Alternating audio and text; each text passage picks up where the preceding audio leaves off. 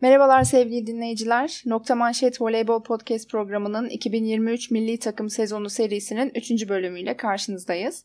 Bu seride ben Elif, Ben Aytu. Ben Temmuz. Filenin Sultanlarının 2023 Milli Takım sezonundaki serüvenine tanıklık ediyoruz ve görüşlerimizi, heyecanımızı siz- sizlerle paylaşıyoruz. Bildiğiniz üzere Filenin Sultanları Viyener'de şampiyon oldu ve biz de hemen vakit kaybetmeden Viyener final etabını konuşalım ve bu şampiyonluğu kutlayalım dedik.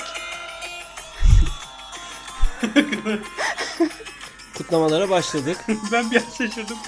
Ya böyle, hani, ya konuşmuştuk da yani şey olarak. Bir şaşırdım yine. E, Temmuz Temmuz Ne oluyor konuşmuştuk dedim. bunu ama Temmuz şaşırdı. Tabii ki biz de Filenin Sultanları gibi elik dalıyla kutluyoruz. Hemen hemen moda girelim. evet Elif'im kusura bakma. Çok ufak oynadıktan sonra programımıza devam ediyoruz. Aynen madem Texas'ta da bu şekilde erik dalı ile kutlanıyor biz de niye kutlamayalım? E, yorumlarımıza geçmeden önce bütün kızları ve teknik ekibi tabii ki de bu başarıda emeği geçen herkesi tebrik ediyoruz. E, sizin bu şampiyonluk hakkında görüşleriniz neler? Sıcağı sıcağına hemen e, öğreneyim sizden. Ee, ya gerçekten çok büyük bir başarı. Ee, çok büyük bir mutluluk yaşattılar bize. Ee, yani gecenin köründe seyrettiğimiz iki önemli maçı hem Amerika maçını hem de Çin maçını çok güzel bir şekilde kazandılar. Ee, milli takımda çok büyük bir seviye atlamış, bir eşik atlamış oldu. Ee, Türk voleybol tarihine de gerçekten altın harflerle kazanacak bir tarihi bir başarı. Gerçekten çok teşekkür ediyoruz. Ee, voleybolun Türkiye'deki önü de daha da açılmış oldu. Ben bunları söyleyebilirim yani gerçekten tebrik ve teşekkürden başka çok da söyleyebilecek bir şey e, sanırım şu aşamada yok ama zaten programın geri kalan kısmında da konuşacağız. Temmuz sen ne düşünüyorsun? Ee, yani öncelikle hani dediğin gibi birazdan daha ayrıntılı konuşacağız ama hani bence hani Türk takım sporları tarihinin en büyük başarısı. Çünkü hani bizim iyi takımlarımız oldu, iyi milli takımlarımız oldu. İşte finale final oynadığımız takımlar oldu ama en yakın hatırladığım futbolla ilgili mesela 2016 işte Euro 2016'ya biz çok şey gitmiştik. Hani hayal kırıklığıyla bitmişti. Basketbol takımı mesela en yakın FIBA 2019'da yine böyle fena bir kadroyla git. Hani Amerika'yı falan yenmiştik ilk maçta. Euro basketlere falan böyle hani umut vadeden kadrolarla gidiyoruz ama hani genelde başaramayan bir takımdık. Bu kadın voleybol takımı ilk defa bu kadar prestijli bir organizasyonda hani bütün takımların kazanmaya çalıştığı böyle hazırlık vari olmayan bir organizasyonda hani başarı kazandı. Bunu birazdan daha ayrıntılı konuşuruz. Ben çok şey yapmayayım. Tamam. Ee, isterseniz şimdi hızlıca bir final yolunu hatırlayalım. Yarı finallerde eşleşme ağacının diğer tarafında Almanya'yı 3-1 geçen Polonya ile Brezilya'yı 3-1 geçen Çin karşılaşmıştı. Bu yarı final eşleşmesini Polonya'yı 3-0 yenen Çin kazandı ve ilk finalist olmuştu. Ee, bizim tarafımızda ise Japonya'yı 3-1 geçen Amerika ile İtalya'yı 3-0 geçen Filenin Sultanları karşılaştı. Bildiğimiz üzere ABD maçını 3-1 kazanan Sultanlar finalde Çin'in rakibi olmuştu. E, ve Su- Sultanlar yine final maçında 3 e, Çin'i 3-1 yenerek Viyener'de eksik olan altın madalyaya kavuşmuş oldular. E, isterseniz Amerika ile oynanan yarı final maçını konuşalım kısaca.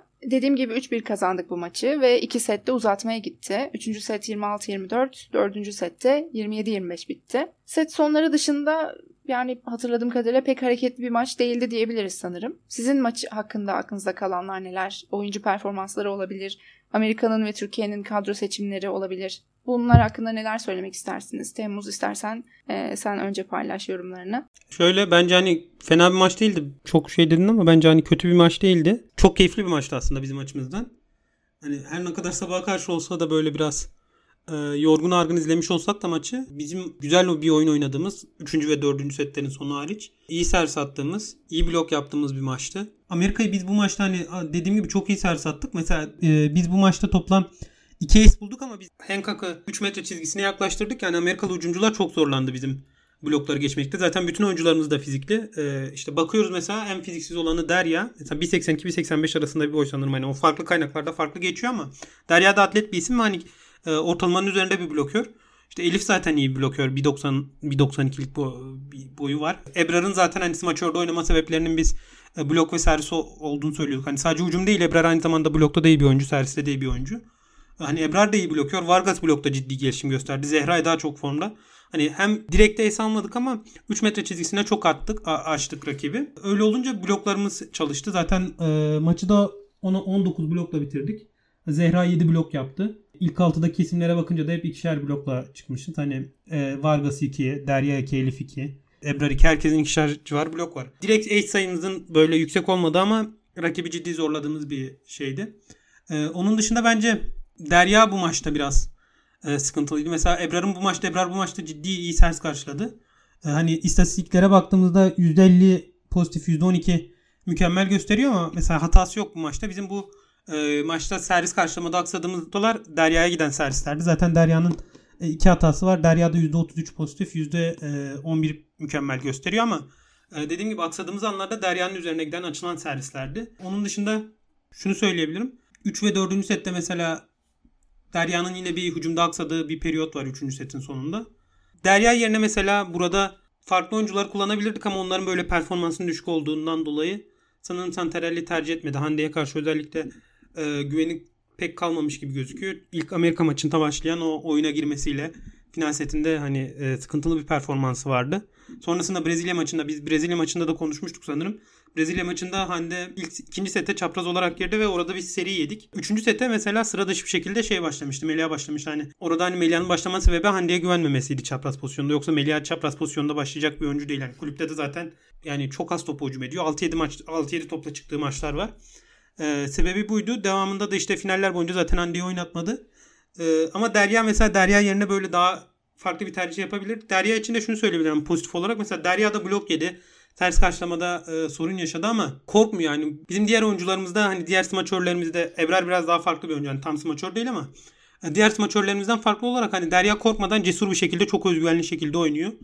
E, ben ne kadar hani burada şu an eleştirsem de hani e, yine bir şekilde idare etti final maçında da yine dönem dönem aldığı sayılarla hani takıma bir şekilde katkı yaptı. Zaten çok ciddi aksamadığı için de biz hani böyle çok ciddi kriz yaşadığımız Amerika maçı dışında hani 3 ve 4. set dışında biz set kaybetmedik. Onun yüzünden set kaybetmedik onu söyleyebilirim. Ben bunları söyleyeyim hani Aytur'dan sonra aklıma gelenleri eklerim. Aytur sen ne söylemek istersin? Zehra'nın 7 blok performansı vardı. Amerika tarafına baktığımız zaman da Temmuz'un da dediği gibi manşette çok aksadılar. Hancock pek iyi oyun kuramadı. Kirali Karlini hiç denemedi. Drews da hücumda kötü bir performans gösterdi. Bunlar hakkında ya da hatırladıkların neler? Hani maç hakkında neler söylemek istersin? Yani Drews'un performansı ilk set oldukça iyiydi. Sonra onu durdurmanın yollarını bulduk. E, blok defansımız Drews'a karşı çalışmaya başladı. Bence o yani Türkiye milli takımının atladığı eşiklerden birini gösterdiği için kıymetli bir şey. Yani maçın başında durduramadığımız bir oyuncuyu maç içinde durdurmayı öğrenmek e, bence önemli bir e, özellik bir takım için. E, bu da Drews gibi bir oyuncu olunca yani Drews'u hatırlar e, voleybol severler. Olimpiyatta da 5. yani 4. setin sonunda girip Amerika'nın 5. sette maçı almasını sağlayan oyuncuydu aslında Drews. E, Türkiye takımlarını da Türkiye oyuncularını da gayet iyi tanıyor. Türkiye'de de oynamış bir oyuncu. O yüzden onu durdurmuş olmamızı e, önemli karşılıyorum ben açıkçası. E, maçın kazanılmasında da önemli. Tabii de 3. sette yani seti 24-22'den 4-0'lık bir seri kaybedip 26-24 kaybetmiş olmamız biraz üzücü. Yine yani aslında daha gitmemiz gereken bir yol olduğunu da gösteriyor. Yani orada bir sayı ağlamayıp hani bir sayılardan bir tanesini çeviremeyip e, seti kaybetmiş olmamız üzücü ama sonra da dördüncü sette geri geldik. E, bu da e, gerçekten e, güzel bir e, gelişme. Burada Santarelli'nin işte smaçör ikinci smaçör tercihinin yani Ebrar tamam artık finaller boyunca smaçör olarak oynayacaktı. O belli olmuştu.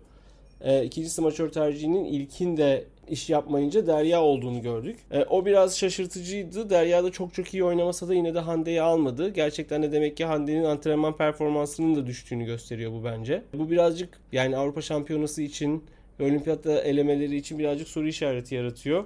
Çünkü Derya o tür turnuvalarda birazcık yani daha kolay belki oyundan düşürülebilir. E, bu korkmaz hali inşallah devam eder tabii ki. Bu korkusuz hali devam eder ama yani elimizde Hande de hazır olarak bulunsa, e, bir smaçör daha hazır olarak bulunsa e, takım çok rahatlar. Derya'nın ya da ilkinin düşürülmesi, oyundan düşürülmesi olasılığına karşı.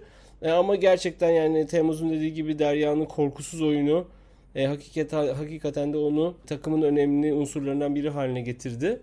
E, bunlar olumlu taraflarıydı. Maçı kazanmak da yani Amerika Birleşik Devletleri'ne karşı 10 maç üst üste kaybettikten sonra maçı kazanmak da gerçekten tabii ki çok çok keyifliydi. Amerika'da yani Kirali tabii belli hatalar yaptı. E, Hancock'u oyundan çıkarmayarak yani Carlini'yi niye denemedi e, onu tabii ki bilmemiz imkansız.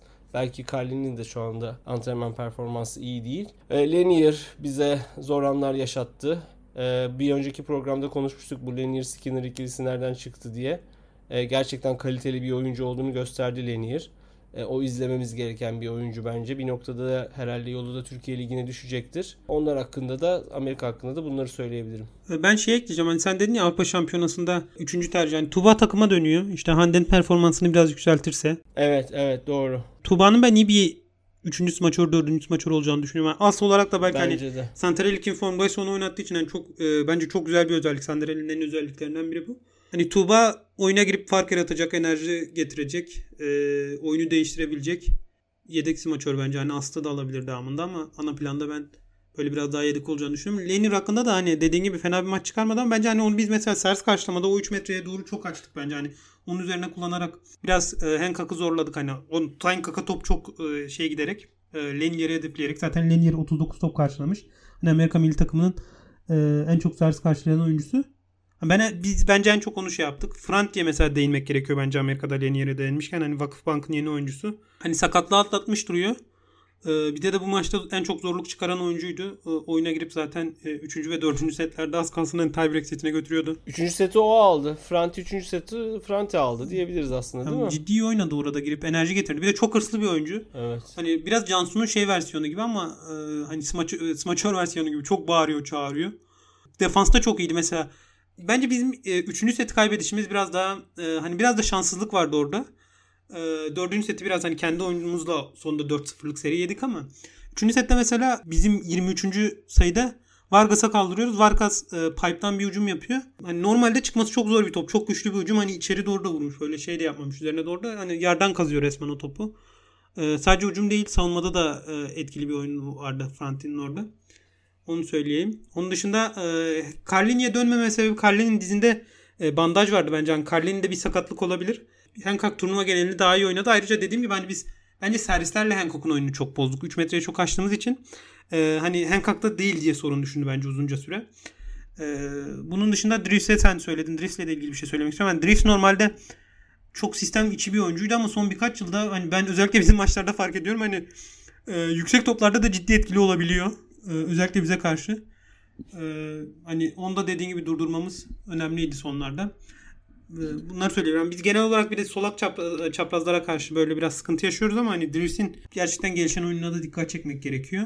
Keşke hani bizim bir takımımıza gelse tekrardan Beylikdüzü'nde oynamıştı ama. Ee, o zaman yorumlarınız için teşekkür ettim. Şimdi Çin galibiyetini konuşalım. Büyük ihtimalle herkesin merakla beklediği şampiyonluğu getiren maçı e, yorumlayalım. E, servis karşılama ve defans anlamında riskli denebilecek bir ilk altı ile başladık final maçına. Bildiğimiz üzere işte maçtan 20-30 dakika falan öncesinde biz kadroyu öğrenebiliyorduk ve kadro açıklandığında genel olarak bir endişe hakimdi. Hem final maçı olması hem Çin'in iyi e, giden e, bir performans olması hem de Ebrar Derya ikilisinin akılda biraz soru işareti bırakması köşede e, özellikle manşet anlamında. Aslında turnuvanın geri kalanında İlkin gayet iyi bir iş çıkarıyordu ama bir önceki maç performansı ve belki de elindeki rahatsızlığın da sebebiyle az oynamadı. E, Santral'in tercihlerini biraz e, sonra daha, daha sonra konuşuruz ama e, şimdi Çin maçını konuşalım. Bu maç hakkındaki yorumlarınız neler? Öne çıkan performanslar, galibiyeti getiren şeyler nelerdi sizce? Aytu istersen e, senle başlayalım. Ben sanırım son bir iki gündür Çin maçı özelinde değil de daha çok böyle final etabındaki kadro seçimi hakkında biraz düşünmüşüm. Sen şimdi sorunca daha iyi anladım. Ee, yani maç hakkındaki ya maçı tabii ki çok da büyük bir heyecanla seyrettiğimiz için direkt maç hakkında konuşmak yerine belki birazcık kadro hakkında şunu söyleyebilirim. Yani anlıyoruz ki Santarelli final etabı için hücumu ve bloğu öne çıkaran, hücumu servis ve bloğu öne çıkaran bir takım ortaya koymuş. Yani bu ilkinin tamam e, final etabında iyi gitmeyen bir performans var. Onun yerine Derya'yı koymasından bunu anlıyoruz. E, zaten Ebrar'ı smaçör olarak oynatmasından bunu anlıyoruz. Elif'i seçmiş olmasından bence e, bunları anlıyoruz. Ve bu da bu maçta da gördüğümüz kadarıyla işe yaradı. e, biraz e, Lee Yingying'i durdurmakta zorlandık. Nasıl Franti e, Amerika maçında 3. seti biraz böyle kişisel performansa dayalı bir şekilde aldıysa Lee Ying de ikinci seti e, Çin maçında öyle aldı. Onu e, durdurmakta zorlandık. E, ortadan hızlı gelen e, ortadan hızlı gelen hücumları durdurmakta biraz zorlandık ama iyi servis attığımız zamanlarda da tabii ki o da çok daha zorlaşmıştı. E, onu yapabildik. E, blok performansımız e, muazzamdı. Gerçekten Eda da e, Zehra da gerçekten çok çok e, iyilerdi. E, diğer oyuncularımız da gayet iyilerdi. Yani e, Çin'e karşı bu kadar blok sayısı bu kadar büyük bir blok üstünlüğü kurmuş olmamız bence gerçekten e, önemli bir başarı. Yani bütün bunlardan işte dediğim gibi Santarelli'nin e, servise, hücuma ve bloğa dayalı bir taktikle çıktığını görüyoruz. E, bizim daha önceki sistemimiz yani Guidetti'nin sistemi birazcık daha blok defansı bir sistem olarak çalışmasına e, ve de iyi servis karşılamaya dayalıydı. Onun çok dışında bir oyun gördük. Takımın buna odak, buna uyum sağlayabildiğini de gördük. O da bence ilginçti. Bakalım yani insan tabii ki bundan sonrası için heyecanlanıyor ve merak e, merak e, duygusuna kapılıyor. E, bundan sonrasında merakla e, bekliyoruz. Yani o iki sistem arasındaki farkı görmek arası açısından bence e, ilginçti. Yani Santarelli böyle bir taktik ve sistem benimsedi ve o, o da en azından Viyana'nın final, final etabında işe yaramış gözüküyor. Evet yani Vargas gibi bir çapraz varken ve formda en azından bir smaçör varken bunu evet. denemek mümkün tabii. Peki Temmuz sen ne düşünüyorsun maç hakkında? Maç yorumları neler? Şimdi şöyle ben öncelikle hani sen az önce Aytuğa hani öne çıkan oyuncular falan diye konuşurken ben az önce Amerika maçını konuşurken hani hiç Zehra'ya dikkat çekmedim ama hani Zehra zaten herkes gördü hani o maçta çok ciddi bir performans sergiledi. Orada ödülü garantiledi gibi hani ben söylenecek bir şey yok performansında çok iyi olduğu için e, zaten herkes de bunu gördüğü için hani yorum yapmadım onu belirteyim dedim en başta. Hani bazen çünkü oyuncu hakkında konuşmadığımızda şey oluyor yani neden konuşmadınız etmediniz oluyor. Bir de Zehra dünyanın en iyi ortalarından biri hani biz bu performansı hani çok şaşırmadığımız için mesela başka bir oyuncudan olsa daha çok konuşuruz. bizi artık. Evet hani evet. Mesela Amerika'ya karşı olimpiyatta da 6 blok yapmıştı mesela Zehra hani. Diyeceğim hani bazen konuşmuyoruz oyuncuları ama hani çok iyi oldukları için ve bizi performansına alıştırdıkları, alıştırdıkları için konuşmuyoruz. Ee, Çin maçına gelecek olursak da e, Çin'de hani Li Yingying'in arkada olduğu turlar ve önde olduğu, olduğu turlar ciddi fark ediyor. Şöyle mesela bize sıkıntı yarattıkları mesela ikinci sete biz 15-12 öndeyken e, Li Yingying ön tura geçiyor ve hani orada e, ön tura geçmesiyle birlikte yani blok biraz daha hani sistem dışında da çok iyi bir oyuncu. Çin'in e, Li Yingying dışında mesela Gong çaprazları Gong manşete girdiği bazı rotasyonlar var. Gong manşete girdiğinde e, sağ taraf komple hani bloksuz kalıyor. Biz sadece iki oyuncuyu takip ediyoruz. Hani Yuan ve şeyi takip ediyoruz. E, 4 numaradaki oyuncuları Wang Yunlu. Wang Yunlu da aynı şekilde e, hani çok kısıtlı bir oyuncu. E, şöyle kısıtlı olmalarının dışında hani sistem dışında çok kısıtlı olmalarının dışında sistem içerisinde de böyle çok ciddi fark yaratan oyuncular değil. Hani iyi paslara da böyle çok ciddi hücumda fark yaratmıyorlar. E, biz iyi sattık yine bu maçta. Biz iyi satınca işte blokları 2-3 oyuncunun üzerine e, odaklayınca yine iyi blok sayılarıyla çıktık. Bu maçta da biz e, şu an direkt şeyim yok ama bakayım ya. Hemen 14, 14 blokla 5. çıktık hani. E, evet turnuvanın en az blok yiyen takımı diye de istatistik paylaş, paylaşılmıştı Twitter'da. Hani farkı buradan şey yapabilirse hani Li Yingying'in arka turu demiştim. E, ikinci sette mesela 12-15'te Li Yingying e, öne geliyor. Yani biz sürekli arka turda daha fazla sayı üretiyoruz. Li Yingying arkaya öne geldiğinde e, farklı seriler yakalıyor. Mesela 12-15'ten 22-19'a ee, geliyor orada bir de servise geçiyor. Bir de pipe'da bir tane top öldürüyor. 23-18'e geliyor. Yani arkaya geçtiğinde tam anlamıyla servisi bıraktığında servise geçip servis turda dahil 23-18'e geliyor. Yani 10 sayı alıyor ve bize sadece 3-4 sayı veriyor ön tura geçtiğinde. İkinci sette öyle farklı farklı bir performansı vardı. Ee, dördüncü sette yine e, set başında Lee Ying ön turdaydı. Ön turlarda orada pasör tercihleri bence biraz sıkıntılıydı. Az önce dedik ya Derya için dedik bazı kritik hamleleri oluyor. Ebrar için de dedim sanırım. Mesela Ebrar'ın da burada Yuan'ı iki bloğu vardı ve bir tane top öldürdü. 3 sayı mesela orada bizi direkt Li Yingying'in önde olduğu turda 8-5 öne geçtik biz. Hani Li Yingying'in önde olduğu turlarda öne geçince takım ciddi rahatladı. Arka tura geçince biz biraz daha rahatlıyoruz. Çünkü dediğim gibi e, Gong'un e, yani ayakları hızlı değil. iyi hani ayakları hızlı solak bir oyuncu olsa, hızlı bir kolu olsa mesela Drifts'in öyle bir oyuncu. Alexia veya mesela Alexia Kartosu bizim ligde olan bir oyuncu. Böyle bir oyuncu olmuş olsa belki daha fark eder hani. O yönden ön turunda öne geçince, ön turunda seri yakalayınca, fark yaratınca maçı da o şekilde bitirdik. Onun dışında ben bu maçta değinebileceğim e, ekstra bir şey olarak e, dediğim gibi e, ne söyleyebilirim? Ben Ebrar'ı söyleyebilirim. Mesela az önce Ebrar hakkında konuşmadım sanırım. Ebrar mesela servis karşılamada ciddi bence. E, finallerde zaten e, finaller ve grup etabı istatistiklerini karşılaştırdığımızda e, Ebrar grup etabında mesela şöyle söyleyeyim. E, 84 top karşılıyor. 7 hata yapıyor. 13 tane mükemmel top karşılıyor. E, %43 pozitif. %15 mükemmel. %7.1 verimlilik. Hani böyle istatistiklere çok ayrı, ayrıntılı bakınca böyle bir şey çıkıyor. Finallere baktığımızda e, 58 top karşılıyor. Sadece bir hata yapıyor. Hani Ebrar'ın direkt hata yapmıyor. Zaten biz direkt hata yapmadığımızda da servislerde şöyle bir şey oluyor servis karşılamada. Ee, sağda Derya var, Vargas var, Ebrar var. Vargas, Derya, Ebrar olduğu için hani top kalktığında onlar cesur bir şekilde hücum ediyorlar ve ciddi de etkili oluyor bu genelde. Ee, çünkü var, Ebrar çok yüksek bir oyuncu fizik olarak. Hani 1.98'lik bir oyuncu. Kolları uzun. Ve hani Ebrar smaca girişi de böyle çok şey olmadığı için e, çok hızlı böyle bir smaca girişi olmadığı için normalde de oyunu çok hızlı olmadığı için rakip blokları savunmayı okuyabilen bir oyuncu. Ee, Derya için de Derya da atlet bir oyuncu mesela. Çok uzun bir oyuncu değil ama atlet yüksek bir oyuncu. E, topu havaya kaldırdığımızda cesur bir şekilde öldürüyor. Zaten Vargas Vargas her topu hücum ediyor. E, hata yapmaması önemli burada. %48 pozitif, %19 mükemmel. E, %17 verimlilik. Hani ara, istatistik olarak da böyle her birinde %5, %10'luk bir fark var. E, buradan anlayabilirsiniz. Derya'yı az önce eleştirmiştim. Onu da söylemem. Finallerde Derya'nın ters karşılama istatistikleri hani %39 pozitif, %9.8 verimlilik. %0 e, yok pardon %9.8 mükemmel. %0 verimlilik. Yani sadece 4 tane mükemmel servis karşılamış. 4 hata yapmış 41 topta. Yani istatistik olarak da çıkıyor bunlar az önce söylediğimiz şeyler. Ee, onun dışında ekleyebileceğim e, Eda'nın iyi bir performansı vardı. Hani Eda zaten böyle eğer e, kupayı alabileceğini hissettiğinde yani takımı çok şey yapmıyor. Mutlaka performans olarak e, veriyor onu. Final maçında iyi oynadı. Mesela final maçında Zehra biraz daha tutuktu. Ee, Eda biraz daha iyiydi. Ee, bunlar söyleyebilirim. Aklıma şu anlık bir şey geldi. Final maçıyla ilgili bir de Eda'nın gözyaşını Evet. o çok duygusal. belirtelim. İnanılmaz Gerçekten ya. yani. Gerçekten inanılmaz bir an. Büyük ihtimalle spor tarihinde geçecek bir an. Ya 10 sene sonra ben hatırlarım onu. Hani Eda ağlıyordu falan derim yani. Eda'yı biz muhtemelen sporun içinde de göreceğiz. Ee, hani ben mesela dediğim gibi ben Çin'den çok e, hani Li Ying'e durdurduğumuzda bir şekilde servislerle zaten en öne çıkan iki oyuncular ortaları servislerle bir şekilde durdurduğumuzda işte e, iyi bir servis stratejisiyle mesela biz bu maçta da yine çok iyi satmadık. Hani e, çok iyi satmışız vardı. O kadar dikkatimi çekmemişti. 8'e iyi satmışız. Final heyecanıyla izleyince ben tekrar izledim ama hani ben Çin'i zaten yenebileceğimizi düşünüyordum. E, arada bence bisiklet farkı vardı. Sağda da belli oldu bu biraz. E, ama hani Eda orada o anı ağlayınca ben e, hani şey oldu. Ben de böyle gözlerim doldu. Baya. E, Evet evet hala benim yani şimdi tekrar tekrar izleyince bile e, doluyor. Gerçekten hani Eda da tabii ki kariyerinin sonlarına gelmekte olduğunu hisseden bir oyuncu.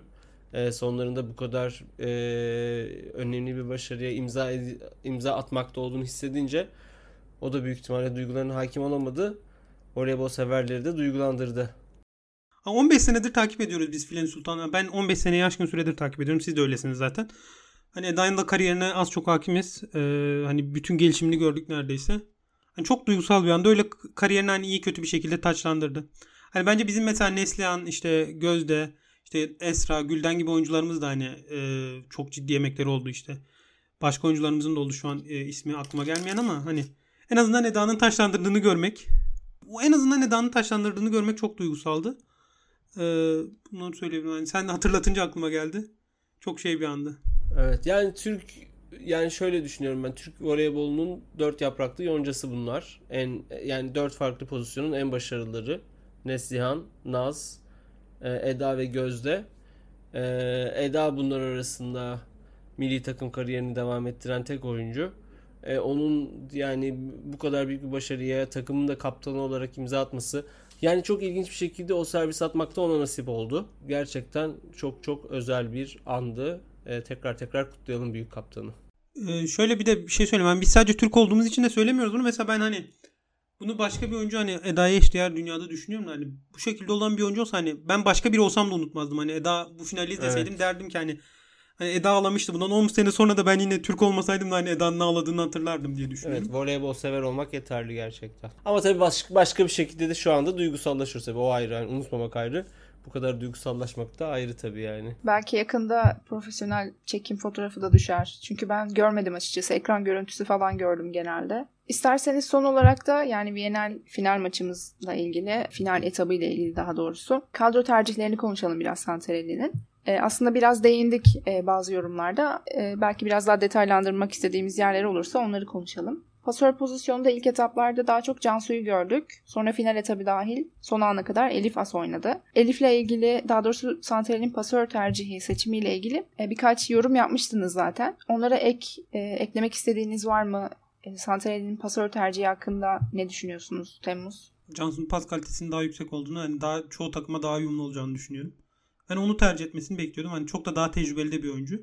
Yani Santral'i Elif'i tercih etti. Hani ve hani Elif tercihinin sebepleri de işte takım boyunu uzatmak. Aynı zamanda Elif'in iyi bir blokör olması hani zaten uzatmasının sebebi. Aynı zamanda hani bunun dışında Elif'in iyi bir servisçi olması. Mesela insanlar şey diyor. E, Elif'in oynama sebebi savunma ama Hani savunma, blok defans aslında servisle başlıyor. Elif iyi bir servisçi, istikrarlı bir servisçi. Boyu uzun olduğu için hani e, Cansu mesela bazı dönemlerde çok hata yapabiliyor. Bazen Cansu da çok iyi servis atıyor ama Elif daha istikrarlı, daha çok ace bulan bir oyuncu. Ben Eczacı'da da mesela sene içerisinde yaptığımız programlarda mesela Maya da iyi bir servisçi ama Elif daha çok direkt ace sayısı buluyor.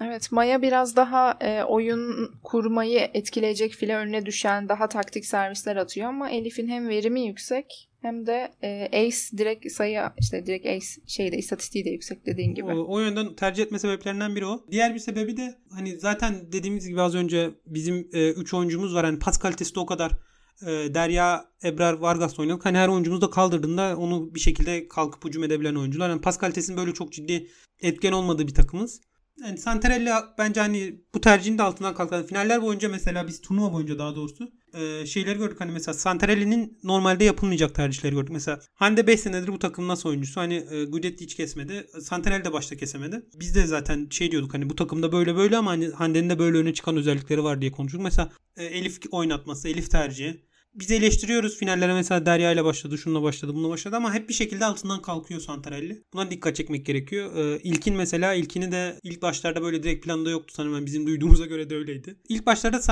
ilkin çok planda yokmuş ama Tuğba sakatlanınca kadroya dahil olmuş biraz daha. Hani onun performans verince onu takıma eklemesi. Çünkü hani ilkinde Derya'da çok takımda az oynayan oyuncular değil. Kendi e, milli, kulüp sezonunda oynadığı ilkin ama hani milli takımda çok az oynamış bir oyuncu değil. İlk, Derya sezonu yedek geçirdi. E, ve hani milli takımda çok şey yok ama onu çıkarıp Türk spor tarihinin en önemli, yani Türk voleybol tarihinin en önemli finallerinden birinde ilk altı oynattı ve bir şekilde altından kalktı yine. E, Santarelli'nin bu özelliğini hani formayı biraz forma girene Derya'da 3. hafta yükselen bir performans vardı onu söylemek gerekiyor. Veren bir koç olması, cesur tercihler yapabilmesi övülecek noktaları. Sen ne düşünüyorsun Aytu? Aslında biraz bahsetmiştin ama eklemek istediğim şey var mı pasör tercihi konusunda? Yok buna yani Temmuz'un dediklerine %100 katılıyorum. Biraz gerçekten ezberimizi de bozdu e, Santarelli. Yani ben de hala Cansu'ya daha fazla güveniyorum açıkçası bir pasör olarak. Pas kalitesi anlamında. Ben Elif'i Antalya'da bu takımla beraber canlı izleme fırsatına da sahip oldum. Yani bazen gerçekten 2 metrelik oyunculara çok al, alçak pas atıyor. Pas kalitesi çok dalgalanıyor. Hani eleştirdiğim noktalar olmuştu. Ama e, yani Temmuz'un da dediği gibi oyuncular gerçekten artık o kadar iyi hücumcularımız var ki bir şekilde toplara hücum etmeyi beceriyorlar. Topları öldürmeyi e, başarıyorlar. E, ama işte Elif'in de başka ekstraları var blok e, servis açısından. E, yani bütün bu tercihleri sanıyorum Santarelli'nin yaptığı bütün bu tercihleri işte demin az önce söylediğim hücumu servisi ve bloğu öne çıkaran e, bir takım kurmak e, üzerinden okumak gerekiyor sanırım. E, biz birazcık daha işte blok defans beraber iyi çalışsın, servis karşılama çok iyi olsun, böylelikle ortalardan hücum edebilelim gibi bir sisteme alıştırmıştı bizi Guidetti. Ama bütün bu e, sistem yeniden dizayn edilmiş oldu. Ve şu ana kadar çalıştı. E, bunun diğer turnuvalarda çalışacağının garantisi yok. E, Santarelli de büyük ihtimalle bunun e, yani B planlarını yapıyordur. Cansu'nun bir yedek pasör olarak oyunun tıkandığı anlarda enerji getirecek bir pasör olarak yeniden düşünülmesi de bence ilginç bir tercih. E, zaman zaman bunu Cansu büyük bir beceriyle de yaptı. E, Amerika setinin Üçüncü setin sonunda sanırım çıkarılan e, toplar işte Cansu'nun farklı şekillerde oyuncuları tekrar oyuna sokmaya çalışması gibi şeyler gördük. O da çok ilginç bir tercih. işe de yarayabilir. E, kimin aklına geldi bilmiyorum bu staff'ten ama Cansu'yu biz ana pasör olarak değil de tıkandığımız noktada kullanalım fikri. O çok ilginç bir fikir bence o. Düşünülebilir. Yani ilkin Derya, Hande, Tuğba'dan da kim e, formdaysa kim takıma hücum anlamında en iyi desteği veriyorsa o girsin oyuna. Çünkü anladık ki takım e, servis karşılamayı bir şekilde yoluna sokuyor sonunda. Ya bütün bu ezberleri yeniden düşünmemizi sağladı e, Santarelli. Bu e, turnuvada çalıştı. Diğer turnuvalarda göreceğiz ama onun da B planları olacaktır zaten. O yüzden bence hani bütün bunları yeniden düşünmemizi, takımda yeniden görmemizi sağladığı için de çok ilginç bir turnuva oldu açıkçası. Yani hani sadece çok başarılı, çok gururlandığımız bir turnuva olmasının da ötesinde final etabı aynı zamanda voleybol üzerine tekrar tekrar düşündüğümüz de bir turnuva oldu. O açıdan ilginç bence. Yani Cansu'nun hakkında onu, ona bir şey söyleyecektim. Ben sen e, güzel noktalara ayak bastın. Parmak bastın daha doğrusu deyimlerini değiştiriyorum şeylerini. ayak bastın. Cansu'nun mesela şey olması dediğin gibi. Mesela biz oyundan düşmüştük biraz o Amerika maçında oyunda girdiğinde. Hani oyuncuların yüzüne bağırıyor. Karşı sahaya bağırmıyor Cansu. Çok enerjik bir pasör. Evet, hem evet. tecrübeli bir pasör hem de oyuncuların yüzüne bağırıp oyuncuların performansını yükselten takımı enerji getiren bir oyuncu. O tercih farklı bir tercihti ve şeydi. Doğru da bir tercihti. Onun dışında şey aklıma geldi hani Elif'i Elif gibi hani Naz var mesela. Naz olsaydı bu takımda e, demek yani Tantarelli Naz'ı bayağı ciddi oynatırmış. Hem tecrübe var hem Elif'in. Çok benzer bir oyuncu tipi. Ve zaten Naz blokta çok iyi bir oyuncu yine. Evet. İşte servislerde Naz'ın da istikrarlı bir oyuncudur. İş yaparmış Santarelli'nin üzerinde. Onu söyleyecektim. E, şimdi siz yorum yaparken şey kulüp sezonunda Fenerbahçe için yaptığımız e, bazı yorumlarla paralellikler olduğunu fark ettim. E, yani biz Makris için de pas kalitesinin çok fazla önemli olmadığını, pası kaldırdığımız zaman hücum edebilecek oyuncular olduğunu ve servis gücünün de ön plana çıktığını konuşuyorduk hep. Servis de çok etkili olduğu için blokta da e, etkinliği artıyordu Fenerbahçe'nin. Zaman zaman aksasa da. E, bu nedenle bu takımda Vargas'ın olması, e, Ebrar gibi yüksek bir smaçörün olması ve smaçör çıkışlı da olduğu için manşette çok aksamaması hatta örgeyle onun arasına atmaya çalıştıkları toplarda da Ebrar'ın onları başarılı bir şekilde alması gibi bazı olumlu etmenler sonucunda bu rotasyonun iş, işe yaradığını, iş gördüğünü düşünüyorum ben. E, Vargas olmasaydı Hande'nin kolay kolay kenara alınabil, alınamayacağını düşünüyorum. E, Vargas olduğu için e, ve ilkin de e, stabil bir performans gösterdiği için bu ilk altıyı e, çalıştırabildik, deneyebildik. Pasör anlamında da e, yani pasör tercihine bakacak olursak da ben de dediğiniz gibi ya daha çok biraz daha Aytuğ'un daha doğrusu dediği gibi e, normal şartlarda ben de Cansu'yu tercih ederim. Sezar Hoca da şey Vakıfbank'ın e, yardımcı antrenörü, Kore milli takımının antrenörü. Onun paylaştığı istatistiklerde de şey gözüküyor gören o, inceleyenler olmuştur. İncelemeyenlere de incelemesini tavsiye ederim. E, Cansu'nun oynattığı ve Elif'in oynattığı sekanslarda oyuncuların hücum performansı, etkinliği ve etkililiği ve verimliliğini paylaşmıştı. Tabi sadece pasörden giden toplar e, bunlar hani defanstan kaldırılan toplar bunlara dahil değil. Bu pasörlerden çıkan paslarda Cansu'nun oyuncuları daha verimli oynattığı bir iki oyuncuda etkililikler benzer ama daha çok verimlilikte büyük farklar var e, bazı pozisyonlarda. Bu dikkat çekiyor. Ama tabii bunu sadece istatistiklere bakarak yorumlamak çok doğru değil. Elif'in veya Cansu'nun ilk altı oynadığı diğer takım arkadaşları ve karşılıklı oynadıkları rakibe göre turnuvanın başı mı sonu mu hangi aşamasında oynuyor oynuyorlar buna göre çok değişebilecek bir durum. Ben şimdilik hani biz şimdiye kadar yorum yaptığımız zaman şöyle diyoruz ya ya bence böyle değildi ama doğruymuş demek ki çünkü kazandırdı bu strateji gibi bir yorum yapıyorduk. Kazanan haklıdır e, diye şimdilik bir yorum yapmayacağım ama ben uzun vadede e, Cansu'nun pek e, yedek kalmaması gerektiğini düşünüyorum açıkçası. Ee, özellikle de final etabında, final maçlarında Cansu'nun az, Elif'in yedekten gelip oynatması gerektiğini düşünüyorum. Çünkü pas kalitesinin daha stabil olduğunu e, gördük. Zaten öyle de olduğunu biliyoruz. Yani pasör pozisyonu hakkında aslında daha çok diyecek şey var da belki başka programlarda e, tekrar konuşuruz. Yani aslında bu biraz böyle bu yıl Türkiye Ligi'nde gördüğümüz e, Vakıfbank Fenerbahçe çekişmesini de hatırlatıyor yani. Hani Vakıfbank'ta Guidetti daha böyle bir sistem takımı kurmaya çalışan işte pas kalitesi stabil olsun, servisler çok iyi karşılansın, blok defans çok iyi otursun e, ve işte pasör çaprazı da üzerine düşen sorumluluğu yerine getirsin. Eline gelen iyi pası öldürsün. Sistem takımı dediğimiz şeyin e, şeyleri bunlar. Unsurları bunlar. Fenerbahçe daha daha fazla işte servislerle ta, e, karşı takımı çok zorlayalım. Hücumcularımız öldürsün topu. Kötü pas gelse de öldürsünler. E, blok iyi olsun. Blok defans birazcık daha geriye düşüyor sanki burada diğer takıma diğer takım kurgusuna göre. blok defansın bir sistem olarak oturması daha daha bloğa ve hücuma öncelik tanınıyor. Defansa topları daha iyi çıkarabilecek smaçörlerdense hücum önceliklendiriliyor. Ee, bu sanki yani bu böyle voleybolda, kadın voleybolunda iki farklı akım gibi şu anda. Türkiye'de Türkiye Ligi'nde de bu iki farklı akımın iki çok başarılı temsilcisinin çok önemli rekabetine tanık olduk geçen yıl. Türkiye milli takımı da sanki e, sanki biraz işte Guidetti ekolünden Fenerbahçe ekolüne diyeyim şimdilik. Yani öyle bunlar ekol oldu değil diye değil de bir geçiş yapmakta gibi gözüküyor. En azından bu final etabında böyleydi.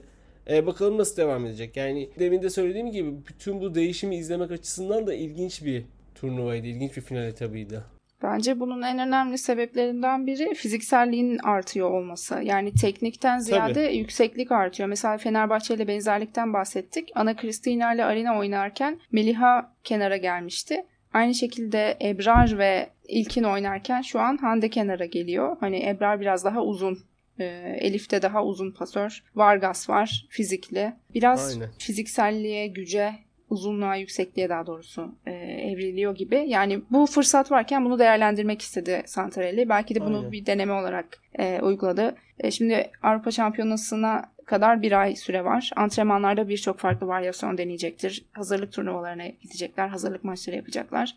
Birçok farklı rotasyon, varyasyon deneyecektir diye düşünüyorum. Şöyle bence e, bu arada hani Aytun ben bir iki bir şey ekleyeyim bölmek için söylemedim. Hani blok defansı önceliyor ama hani aslında bu terz için sisteminde biraz kadın voleybolunda şöyle bir şey vardı hani. Oyun çok hızlanmıştı. Oyun hızlandıralım olabildiğince e, verimli oyun bu gibi böyle hani çoğu takımın Amerika milli takımı, Brezilya milli takımı işte kulüplerde Vakıfbank, Imoko hani hep zirveye oynayan takımlar Sırbistan ve yani Doran Terzi çalıştırıyordu o zaman. Sırbistan ve böyle Fenerbahçe biraz daha highball oynayan takımlar olarak gözüküyordu. Hani böyle Zoran Terzic voleybolu biraz hani tersine gidiyor gibiydi ama hani herkesi kendi tarafına doğru çekti gibi. Hani Santarel dediğin gibi Terzic'ten etkilendi. Sen şey dedin işte blok defansı önceliyor bu biraz e, Guidetti'nin sistemden ama Zoran Terzic'in sisteminde de hani en iyi savunma hücumdur. Hücum yapıyorsun. iyi hücum yaptığın için rakibin transitionlarında e, hani onlar topu çık- çıkarsa bile veya iyi servis attığın için onlar topu kaldırsa bile sistemin dışına çıktıkları için bu sefer hani sen blokta ve savunmada daha iyi yerleşiyorsun. Hani aslında burada blok defans e, çok geri planda kalmıyor ya. Zoran Terzic'in sisteminde de hani bence biraz hani kalite olan kadrolarında belli oranda kalite olan takımlar bunu tercih edecektir. Hani bunu oynamak için highball oynamak için zaten sizin kaliteye ihtiyacınız var. İşte Fenerbahçe'de Ana Kristina Arina Fedorosova Vargas var. Hani dünya voleybol tarihinin belki en iyi köşe üçlüsü. Hani olabilecek bir en yüksek potansiyelli köşe üçlüsü diyebilirim ya da şimdi Eczacı'nın 2018 kadrosu da çok iyiydi. 2018-2019 Lars'ın Kim boş Boşkoç'lu kadrosu. Bunu söyle bunu söyleyecektim. Onun dışında şey e, Derya'ya dikkat çektik. E, Derya'yı söyleyecektim. Yani bence Derya hani Ebrar biraz daha Kristina gibi bizim takımda. Çünkü hani Kristina da servis karşılamada iyi bir performans sergiliyordu genelde. Ebrar da e, servis karşılamada iyi bir performans sergiliyor. E, Derya biraz daha Arina gibi servis karşılaması daha kötü. Ama bence hani Derya işte orada biraz Derya soru işareti. O ana planda bence Hande veya işte İlkin Tuğba tekrardan dahil olacaklar oraya. Çünkü bu çok riskli bir takım. Aynı şekilde Cansu tercihinde de e, Elif Cansu tercihinde de bence e, daha üst seviye karşılaşmalarda. Hani Viyanel önemli bir turnuva ama en üst seviye voleybolda oynanmıyor sonuçta Viyanel'de. E, Viyanel'de oynananın daha üst daha üst seviyesi de var. Oralarda bence hani dediğin gibi Elif tercihleri, işte Derya tercihleri biraz e, sıkıntıya sokacak tercihler daha ileride. E, ileride göreceğiz bunu. Hani Santarelli şükür ki yani çok inatçı bir koç değil. Çok değişikli, e, değişikliğe açık bir koç. E, aksayan yeri aynı maç içerisinde olmasa bile son, bir sonraki maçta fark edip kesebiliyor yenilikçi bir koç. Hani bu aslında yeni jenerasyon koçlarda da biraz bu var sanırım. Hani çok e, yeniliğe açıklar. E, farklı oyun sistemleri, farklı kadrolar, farklı şeyler deniyorlar. Biz hani biz söylemedik ama bütün oyuncuların dilinden düşmeyen bir konu var Santrelli ile ilgili. Hani bizi çok iyi motive ediyor. Yani bunu Polonyalı oyuncular Lavarin için söylüyor. Mesela bugün daha bir röportaj okudum. Lavalin için şey diyorlar. E, eskiden işte Navrocki'ydi onların koçları. Bize dünyanın en iyi şeylerinden biri olduğumuzu hani Türk oyuncular gibi konuşuyorlar işte. E, dünyanın en iyi takımlarından biri olduğumuzu, potansiyeli olduğumuzu falan söylüyor diyorlar. Hani Santral'in bu özelliği de demek ki çok ön plana çıkıyor. Biz de biraz duygusal bir milletiz. Biraz gazla çalışan bir milletiz. Santral'i de biraz duygusal bir koç, biraz agresif bir koç, biraz hırslı bir koç. Demek ki bizimle hani o yönden de çok iyi bir doku uyumu olmuş gibi. Bu arada Santral'i de 5 sene boyunca bizle birlikte olacak 2028'e kadar. Hani umarım bu hep böyle devam eder. Diyeceklerim bu kadar. Santral'den ben çok memnunum. Ben Santarelli'nin bizim başımıza geçmeden önce bu kadar fanı değildim. Yani şu an biraz fan seviyesine. Ee, geçen sene bence Sırbistan'la benim hani geçen yaz Sırbistan milli takımıyla fikrimi değiştirmişti biraz. Ee, ben onun biraz iyi bir koç olduğunu ama böyle üst seviye bir koç olduğunu düşünmüyordum. Sırbistan milli takımıyla geçen yaz yaptıkları sene içerisinde bence Imoko ile belli seviyeye bu Fenerbahçe eşleşmesine kadar yaptıkları ve Türk milli takımıyla bu e, Viyana'da yaptıkları inatçı bir koç olmamasıyla hani e, çok beğendiğim koçlar seviyesine yükseldi. Onu söyleyeyim. Şimdi Santarelli hakkında da biraz yani hem kadro tercihleri hem de oyuna müdahaleleri konusunda biraz yorum yapmış olduk. Voleybol severler arasında bir konuda fikir ayrılığı var. İsterseniz ona değinelim kısaca. Şimdi bir taraf Viyana'nın aslında çok prestijli bir turnuva olmadığını, rakip takımların bu turnuvayı daha çok işte hazırlık olarak gördüğünü söylüyor. Bazı takımlarda önemli isimler e, ya geniş kadroda yok ya da e, sakatlık nedeniyle kadroda yok veya normalinin işte altında oynuyor falan. Diğer tarafta da e, rakiplerin kadrosunda kimin olduğunun pek önemi yok. Sonuç olarak takımlar kazanmak için oradaydı ve Filin Sultanları da çok iyi oynayarak şampiyon oldu ve milli takım düzeyinde kazanılan e, ilk altın olduğu için önemli. Yani bir kesim başarının olması gerektiğinden fazla abartıldığını düşünürken diğer kesim buna katılmıyor. Sizin bu konuda görüşleriniz neler? Bu turnuvanın prestiji, önemi, bu altının, bu şampiyonluğun önemi sizin için ne kadar önemli? Yani bu şampiyonluk sizin için ne kadar önemli? Temmuz evet sen başla istersen. Ee, şöyle hani ben mesela bunu başka bir takım için konuşsak bence biraz daha farklı olur ama e, bizim milli takım için önemli hani bunun ve hani ülkede hani şimdi sosyal sosyal tarafına girmeyelim hani bu iş çok önemli bir zamanda geldi bence bu başarı da. Ee, neyse hani şey sağ tarafına dönersek sağ tarafına dönersek hani dediğim gibi basketbol takımlarına bakıyoruz futbol takımlarına bakıyoruz. İşte handbolda çok ilgili değilim ama handbolda hani yine ilgisi olan bir takım. Hani bizim bu şekilde bir başarımız yok. Hani turnuvanın prestijinden konumundan bağımsız bizim için çok önemli bir başarı. Zaten hani turnuva şey olmasa hani bu kadar bizim için önemli olmasa hani önemli bir başarı olmasa hani 36 yaşındaki Eda son sayıda alamaz. Yani ben ben öyle bir şey görmedim yani. Voleybolu 15 yıldır 15 yılı aşkın süredir izliyorum. Hani bir oyuncunun servis kullanıyorken ağladığını hani e, şey sayısından o kadar olimpiyat şampiyonları falan oldu. Olimpiyat şeylerinden sonra alıyorlar ama hani maç devam ederken bitmeye yakınken o kadar e, duygusal bir an yaşatması bence hani kupanın en iyi önemli oyuncular anlar ve oyuncular hani bunu biliyor. Onun dışında şeye gelecek olursak e, prestij olarak da şöyle. Bence hani Euro Volley ile prestij olarak yakın bir turnuva. Çünkü Euro Volley'de mesela İtalya, Sırbistan var ve Polonya var. Hani iki tane takım var. Hani Polonya'da yeni yeni biraz belki dahil olursa. iki takım var ve iki takım hani yendiğinde zaten her türlü madalya alıyorsun o turnuvada. Sadece iki takım oynuyor. Viyana'ya baktığımızda Viyana'da de Amerika, Brezilya genelde az kadrolarıyla oynuyor. Biz az kadro oynuyoruz. Japonya az kadro oynuyor. Çin az kadro oynadığı oluyor. Zaten iki senedir az, az kadro oynuyorlar. Daha önceden finallere de az kadro olarak geldikleri olmuştu. Hani böyle rekabetçilik olarak da ben çok ciddi fark olduğunu düşünmüyorum. Ee, ve hani uzun da bir periyot. Ee, sürekli ülke değiştiriyorsun. İşte antrenman yapıyorsun. Bir buçuk aylık bir turnuva. Onlar biraz daha kısa bir turnuva. Genel bir buçuk aylık bir turnuva olduğu için hani biraz da zorlu bir turnuva. Bence hani prestij olarak da şey değil, düşük değil. Özellikle şu son dünya sıralamasının yükselmesiyle birlikte zaten turnuvayı bir tek İtalya Sırbistan nasıl oynamadı. Onun dışında herkes az oynadı. Mesela Amerika en iyi kadrosuyla finallere katıldı o an için. Karçkırelli ona göre tercih yaptı. Dediğim gibi işte İtalya Sırbistan dışında herkes az oynuyor. Ee, herkes kazanmaya çalışıyor. Amerika kendi evinde kazanmaya çalışıyor. Ee, dünya sıralamasında puan arttığı için ve onun dışında hani bunun ekonomik de kısmı var. 1 milyon dolar kazanıyor şampiyon. Hani bunu almak için de oynuyor Amerika her sene Viyana'li. Hani o takımları yendik biz. O takımlara üstünlük kurduk. Yani ileride de bu takımlara karşı şansımızın hani düşük olduğunu düşünmüyorum. Yani bence başa baş gidiyoruz. Mesela ileride yarın öbür gün bir e, şeyde karşılaşırsak olimpiyat elemelerinde oynayacağız Brezilya ile. Kristina yok. Kristina eklense belki biraz daha farklı olur durum ama mesela Brezilya'ya karşı ben e, yine önde olan takım olduğumuzu düşünüyorum olimpiyat elemelerinde şu an. Hani Brezilya çok formsuz. Bunu devam ne kadar toplarlar bilemiyorum. Ama hani geride olduğumuzu, önde olduğumuzu demeyeyim. Çünkü Brezilya çok farklı bir takım. Biraz daha farklı turnuvalarda farklı forma girebiliyor ama bu takımların çok şey olduğunu düşünmüyorum. Yani bizi e, şöyle bir şey oldu bir de hani biz bunu zorlanarak da kazanmadık biz bu turnuvayı yani. Çin'e karşı finalde biz Çin'in bence az önce de dediğim gibi bisiklet farkı olduğunu gördük. İkinci seti biraz e, Li Yingying'in e, 12-13. sayılardan itibaren ekstra oyunuyla aldı. Li Yingying ama mesela Çin bir önceki gün Polonya'yı sağdan silmişti resmen. E, biz o takıma karşı o takımın hani ciddi siklet farkı olduğunu gösterdik. Amerika'yı Amerika'da yendik. Orada da yine 3-0 bitebilirdi maç. Üçüncü set sonu biraz şanssız e, bir oyun. Brezilya'yı Vargas'sız kendi evinde yendik ne kadar formsuz olsa bile. Yani biz bu takımları çok yenebilen bir ülke değildik eskiden.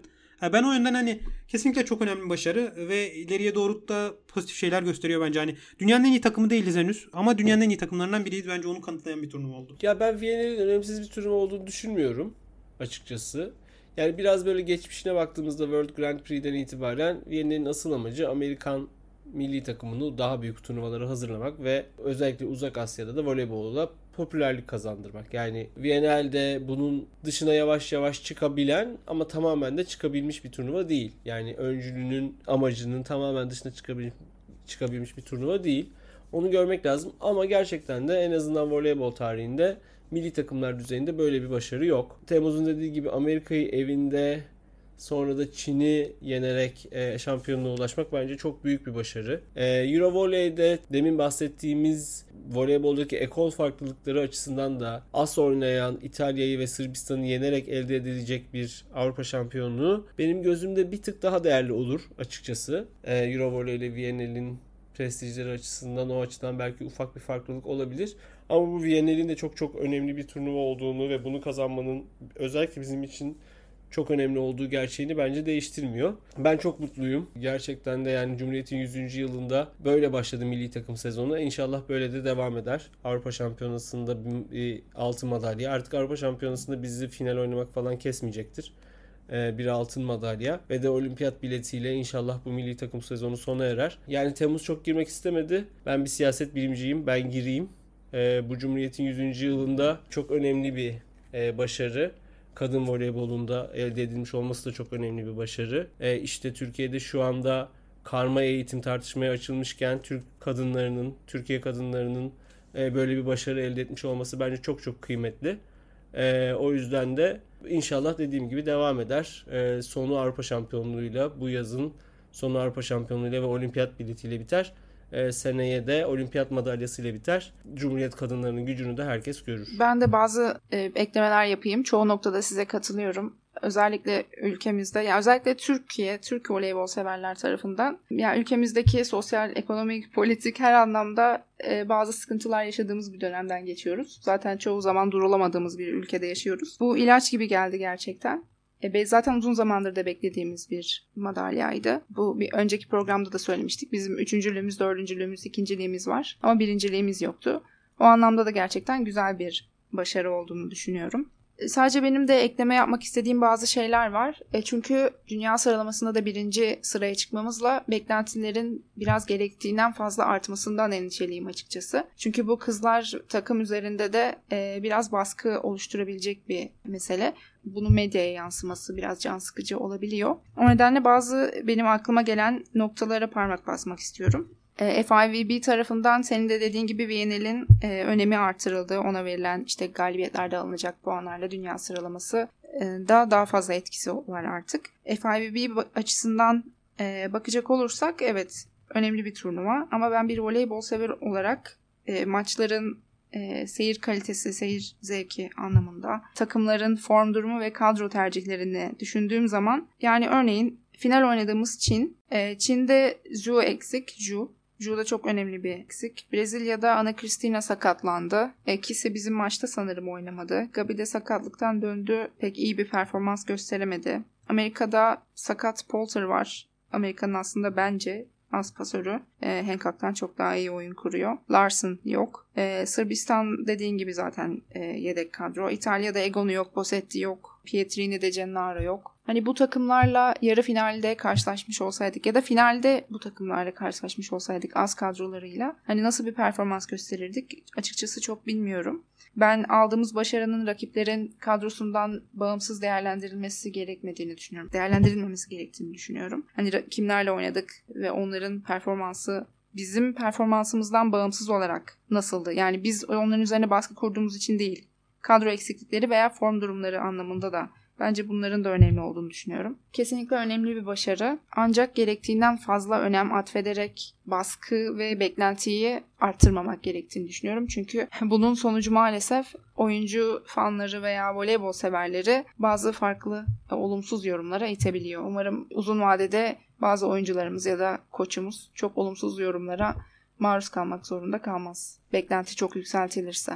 Ee, ben de sana biraz e, şey olarak karşı argüman olarak geleyim. Hani Amerika'da mesela Larson ve Pulter eksik ama Pulter'in dönüp asla alacağı belli değil. Yani çok ciddi bir sakatlık geçirdi. Bu yaz için az kadroları, az pasörleri. Carlini ve e, şey Hancock. Hani Hancock da zaten Pulter'den önceki az pasörleri. Hani Amerikan zaten çok geniş bir oyuncu havuzu var. Carlin de bir dönem aslık yaptı. Amerikan e, çok geniş bir oyuncu havuzu var. Hani Mesela Larson yok ama Larson'dan zaten Larson şu an 37 yaşında gelecek sene 18 yaşında olacak. Biz bir daha karşılaştığımızda gelecek sene olacak. Hani normalde Kelsey'nin Larson'dan formayı almasını bekliyorlar. Ve hani 38 yaşındaki bir oyuncuya hala Amerika'nın böyle çok ciddi ihtiyaç duyduğunu düşünmüyorum ben. Hani Amerika az oynadı bu kadroyu. Ben Amerika'nın nasıl oynadığını düşünüyorum. Ama yani servis karşılayamadıkları için zaten hiçbir şekilde oyun kuramadılar. Zaten ikinci setin sonunda yapılan röportajda da Kirali servis karşılayamadığımız için çok zorlanıyoruz demişti. Hani en azından arkayı toparlayabilecek bir oyuncu ve aynı dediğim gibi yani smaçör ikilileri de smaçör tercihleri de bazılarını ilk defa duyduğumuz isimler bazıları da e, daha yeni çıkış yapmaya çalışan isimler. Bilemiyorum açıkçası. Milano'da bu sene izledik. Larson istikrarsız bir performans vardı. Final serisinde yine bir, biraz performans yükseltti ama hani Amerika mevcut en iyi kadrosuyla geldi aslında. Larson eksik ama Larson oyunu ne kadar etkileyebilir? Mesela Çin'de Zuting ciddi etkileyebilir bence. Ama Çin'de de hani Zuting'in yine bir sakatlığı var. Zuting eğer sakat olmasaydı dinlenmesi gerekiyor. O yüzden şey yapmadı. Ama Brezilya tarafına baktığımızda Brezilya'da Cristina eksik. Ama geçen sene Brezilya bu kadroyla hani mesela biz yendiğimizde Brezilya'yı bize Vargas yoktu. Onlarda Cristina yoktu. Yani Gabi sakat falan da ama ama Brezilya e, Gabi dinlenmiş bir şekilde finallere geldi. E, Çin Brezilya'yı yendi mesela. Bu Brezilya bu kadroyla geçen sene Dünya Şampiyonası finaline çıktı. Aynı şekilde e, Viyener finaline de çıkmıştı. Cristina o zaman da çok süre almıyordu zaten.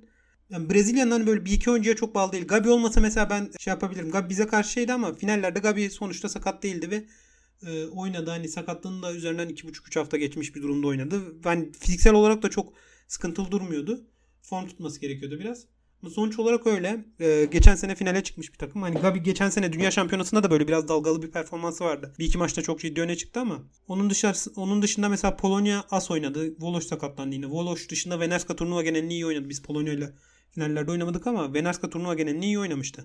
Böyle eksik olan oyunculardan Bizu ciddi eksik. Hani onun dışında Amerika'da bence eksik yok. Brezilya'da hani ne kadar olsa. Hani ben hani rakiplerin de iyi durumda geldiklerini ben biz yarın öbür gün karşılaştıkla karşılaştığımızda da e, şansımızın düşük olduğunu düşünmüyorum Brezilya ve Amerika'ya karşı. İtalya ve Sırbistan'ı göreceğiz. Hani Avrupa Şampiyonası'nda. İtalya ve Sırbistan her zaman Boşkoviç ve Gun'un varlığıyla bu takımların hani seyirci gözünde benim de gözümde hani çünkü çıkıp tek başına maç alabilecek oyuncular. E, önde görüyoruz ama bence bize yani eksik oyuncuları vardı ama yine oyuncu o takımların en iyi durumdaki hallerini yendik. Bence o yüzden değerli bir baş. Nasıl söyleyeyim? Rakiplerin de değerli olduğu bir turnuvaydı bence. Ee, şey konusunda anlaşıyoruz bence. Yani İtalya ve Sırbistan'la karşı e, bu takımın performansını, bu antrenörümüzün performansını bir görmemiz lazım. Gerçekten de demin bahsettiğim bu yani anlayış farklılıkları açısından da İtalya ile Sırbistan daha böyle sistem oyunu oynamaya çalışacak olan takımlar. Biz daha işte Fenerbahçe vari bir hücum oyunu oynadık finallerde. E, bunu göreceğiz.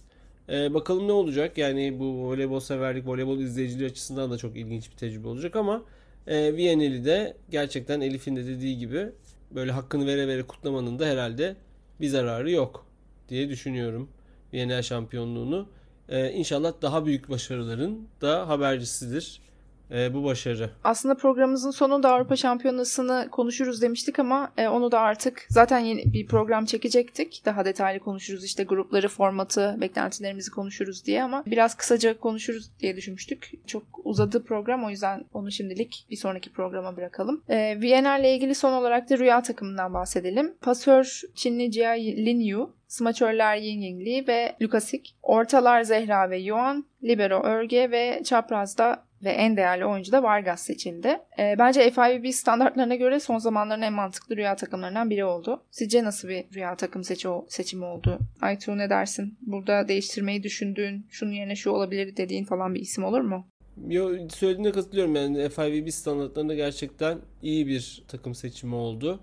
Yani işte üçüncü olan takımdan da bir tane oyuncu almak e, gerekiyor gibi. O da en iyi oyuncusu, en, en alınabilecek oyuncusu Lukasic'ti herhalde e, Polonya'nın. Biraz böyle Türkiye'den Çin'e göre daha fazla oyuncu olsa daha iyi olmaz mıydı diyor insanlar.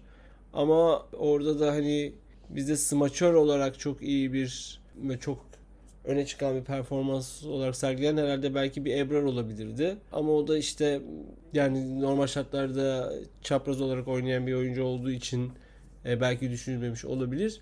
E, orta oyuncuda da iki oyuncunun da aynı milletten seçildiği çok sık karşılaşılan bir durum değil. E, ki Çin'den seçilen oyuncu da iyi bir orta oyuncu özellikle hücumda.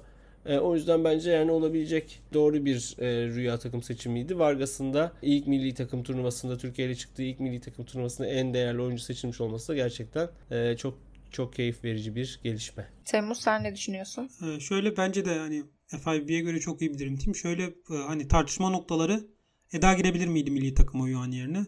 Girebilirdi. Eda hani özellikle son dönemde çok ciddi performans sergiledi. Final haftasında bir üzerinde blokla bitirdi ama şöyle Yuan Dani turnuvanın final haftasından skorer orta oyuncusu. Blokta da üçüncü isim. Eda ikinci isim. Hani Yuan da seçilebilirdi orada. Hani Yuan özellikle ilk iki maçta. insanlar ilk iki maçı sanırım izlemediği için de biraz hani Yuan milli takım e, Dream Team'i hiç hak etmiyordu diye düşünüyor. En çok hak eden 3 isim var. Eda seçilmedi. Hani Zehra zaten seçildiği için aynı pozisyondan ikinci bir Türk oyuncuya e, vermeleri çok şey olmuyor. Yani aynı mevkiden aynı ülkeden iki oyuncuya vermeleri e, vermiyorlar pek genelde. O yüzden olmadı bu. Onun dışında smaçörlerde biri girebilir miydi? Hani Lukasik'te yine baktığımızda hani istatistiki temelli seçiyorlar. Yani bunun şeyi de var hani FIV yasalarında geçiyor. Yarı final oynayan takımlardan istatistiki temellere bakılarak sadece istatistiki temeller değil ama istatistiki e, istatistikler göz önünde bulundurularak seçimler yapılıyor ve Lukasik de turnuvanın en skorer dördüncü oyuncusu. Önünde skorer olan Vargas, Lee Yingying ve e, Stishak var. O yüzden hani Lukasik'e de ödül gidebilirdi ve gitti. Ebrar'a gitmeme sebebi hani bence Ebrar yeterli bir performans sergiledi. Hücumda kötüydü ama hani hücumda kötü olmaması olduğu sebebiyle gitmedi. Hani hücumda biraz daha iyi olsa zaten daha skorer bir oyuncu olurdu. Hem hücumda kötülüğü sebebiyle e, %28 ile geçti finalleri. %29 ile mi geçti? Hemen bir yanlış bilgi vermeyeyim. Bir hemen bakayım. Evet %29 ve %11 verimlilik. Yüzde hani böyle %9 verimlilik, %10 verimlilik o civarlar bir şeyle geçti. Hücumu yüz sebebiyle girmedi. Ee, diğer elementlerde iyiydi ama hücumda değildi ve skorer olarak Lukasik önünde olduğu için ve FIB bunlara baktığı için e, o sebeple seçti. E, bunun dışında zaten işte Vargas'ta, Zehra'da, Yinging'de pek bir sıkıntı yoktu. Gizem'le Gizem hakkında hiç konuşmadık sanırım. Hani konuşmadık herhalde. Gizem hakkında da hani bence Dream Team'i e, alabilecek bir liberoydu. İyi bir performansı vardı. Böyle ben biraz daha çok harika değildi ama iyi bir performans vardı Gizem'in. Bazı çok öne çıktığı sekanslar vardı savunmalarıyla. Hani onu söyleyebilirim. Tercihler doğruydu bence. O zaman Viyanel'i de kapatmışken Viyanel'e gitmeye çalışan filenin efelerine de hızlıca değinelim. Challenge kupası var bildiğiniz üzere. Seneye Viyanel'e e, katılmaya hak kazanacak bu kupayı kaldıran takım. 27-30 e, Temmuz tarihleri arasında Katar'da oynanacakmış. Bu turnuvada filenin efelerinin şansını kimlere karşı oynayacağız? E, sence nasıl bir turnuva bizi bekliyor Temmuz? Kısaca bize beklentilerini, yorumlarını paylaşır mısın? Şöyle bu turnuvada biz ağır favori gibiyiz şu an. Hani özellikle Ukrayna'da da bir kriz çıktı. Bir prim krizi sanırım böyle Viyana'ya katıldıklarında alacaklar para falan. Yani çok ayrıntısında şu an şey yapamıyorum ama hani onlarda böyle biraz federasyonla oyuncular arasında bazı oyuncuların katılmayabileceği söyleniyor. Böyle olay, olaylar etkiliyor. Yani oyuncuların özellikle kafası sahada olmuyor. Yani en ciddi rakibimiz Ukrayna. Ukrayna ile de yarı finalde karşılaşacağız muhtemelen. Böyle eşleşmeleri de söyleyeyim ben. Biz ilk eşleşmede Dominik'le oynayacağız. Ukrayna-Çin eşleşmesini kazananıyla yarı finalde oynayacağız. Ee, Çin şöyle bir argümanla finallere gelmiyor. Ev sahibi oldukları bir turnuva var. Asya oyunları ya da üniversiteler gibi böyle bir oyun. Yani normalde B takımlarıyla katıldıkları bir turnuvaya ev sahibi oldukları için A takımlarıyla katılıyorlar ve şöyle bir e, kafa yapısıyla biz zaten Ukrayna ve Türkiye'yi geçemeyiz. Hani gelmiyorum. Çok garip bir durum yani. Bana garip geliyor. Sonuçta biz VNL oynamayan bir takımız. Ve hani VNL'de de bence bu sene kendi şeylerine göre bir performans sergilediler. E, iki galibiyet aldılar. Böyle e, sürpriz puanlar aldıkları, rakiplerini zorladıkları anlar vardı. E, kalabilirlerdi Viyanel'de. Yani bu tercihe gitmeleri biraz garip geldi. Ukrayna'da dediğim gibi problemler var ama Ukrayna Çin'i geçer muhtemelen. Onun dışında karşı gruptan Katar, Tayland, Tunus, Şili. Ee, burada Katar'la biz geçen sene İslami dayanışma oyunlarında oynamıştık. Hani B takımımızla oynarken bile 3-2 bitmişti maç. Karşı gruptan Katar'ın geleceğini öngörüyorum ben. Oradan da işte dediğim gibi zaten B takımıyla başa baş oynadığımız bir takımı A takımımızla yeneriz diye düşünüyorum. Erkeklerde inşallah büyük olasılıkla Ukrayna'ya geçip Viyana'ya katılacak gelecek sene. Biz de iki takımla Viyana'da temsil edileceğiz. Bir onlara böyle bir yani biraz da öne çıkan turnuvalarda biraz da öne çıkan şeylerde yer aldıklarında onlar hakkında da böyle e, yorum yapabiliriz daha uzun şekilde ama hani biz burada Challenger takımlarında hani çok dünya arenasında gördüğümüz takımlar değil. Çok dünya arenasında oyuncuları olan takımlar değil. Ukrayna'nın biraz var dediğim gibi işte İtalya liginde oynayan oyuncuları var. Polonya liginde oynayan oyuncuları var. Yani sağlıklı yorum yapmak için yeterli malzeme de pek yok diyorsun. Evet mesela Vietnam'ı biz kadınlarda mesela biz kadınları çok yakından takip ediyoruz ama Vietnam falan hani biliyor muyuz kadrosunu bilmiyoruz. Vietnam geliyor mesela kadınlar Challenger kapada öyle düşünebilirler hani. Çok yorum yapamıyoruz. Mesela Amerika ile oynasalar veya şeyle oynasalar daha ayrıntılı, daha ileride daha güzel yorumlar yaparız inşallah. Çok şey yapmayayım. Bunları söyleyeyim. İnşallah Viyana'da görürüz gerçekten de o seneye. Challenge Cup'ı kazanmalarını umuyorum. Aynen hak ediyoruz yani hak evet, ediyorlar evet. gerçekten. Umarız olur. Ee, bu bölümde 2023 Viyanel'in kapanışını yapmış olduk. Filenin Efeleri için de e, iyi dileklerimizi iletmiş olduk. Umarız bir sonraki bölümde Filenin Efelerinin Viyanel'e yükseldiğini konuşup e, Filenin Sultanları için de Avrupa Şampiyonası'ndan beklentilerimizi yorumlarız. E, bizi dinlediğiniz için teşekkür ediyoruz. E, geçen bölümlerde de olduğu gibi değinmiş olduğumuz konulara ilişkin kendi yorumlarınızı da paylaşabilirsiniz. Onları tek tek okumaya çalışıyoruz. Teşekkür ediyoruz tekrardan. Bir sonraki bölümde görüşmek üzere. Ben kapanış kapanıştan önce bir şey eklemek istiyorum. Ben program boyunca şey söylemedim. Aytu'ya da değinmedi. Sen minik bir değindin. Hani dünya sıralamasında birinci sıraya çıktı. Hani tarihte de bil. e, Biz hiçbir branşta bu kadar yukarı çıkmamıştık. Hani ne kadar olursa olsun. İtalya Sırbistan olmasa da bence hani buna biraz e, söyleyeyim de hani kutlama yapmış gibi olmuş olsun. Hani hiç değinmedim ben buna. Viyana şampiyonu falan olduk. Şu- Şunu bunu söyledik ama e, önemli bir şeydi bence hani bu. E, ülke içerisindeki algısı hani Aytu az önce bahsetti. Sen söyledin hani sosyal ekonomik Hani e, hiçbir alanda bizim böyle hiçbir şekilde birinci sıraya geldiğimiz, bu kadar üstlerde olduğumuz bir şey yok. E, kadın voleybolunda dünya sıralamasında birinci sıradayız. evet hani çok güzel bir his. Bunu biraz Kune Ayto belki şey açar arkadan Erik Dalı. Aynen yani mesela ilk yüzde bir tenisçimiz yok. E, ne ATP sıralamasında ne WTA sıralamasında bildiğim kadarıyla ikisinde de yok. FA, FIBA renk şeyleri sıralamalarında erkek e, basketbol takımımız 16. Bir ara altıncılığa kadar çıkmıştı. Ben o zamanlar hatırlıyorum ama onun üzerine çıkmadılar. Futbol 40'da 40'larda falan.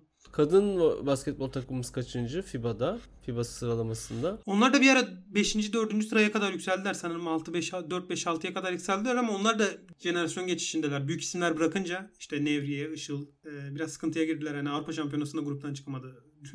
Eurobasket şeyimiz hani onları küçümsemek için söylemiyorum.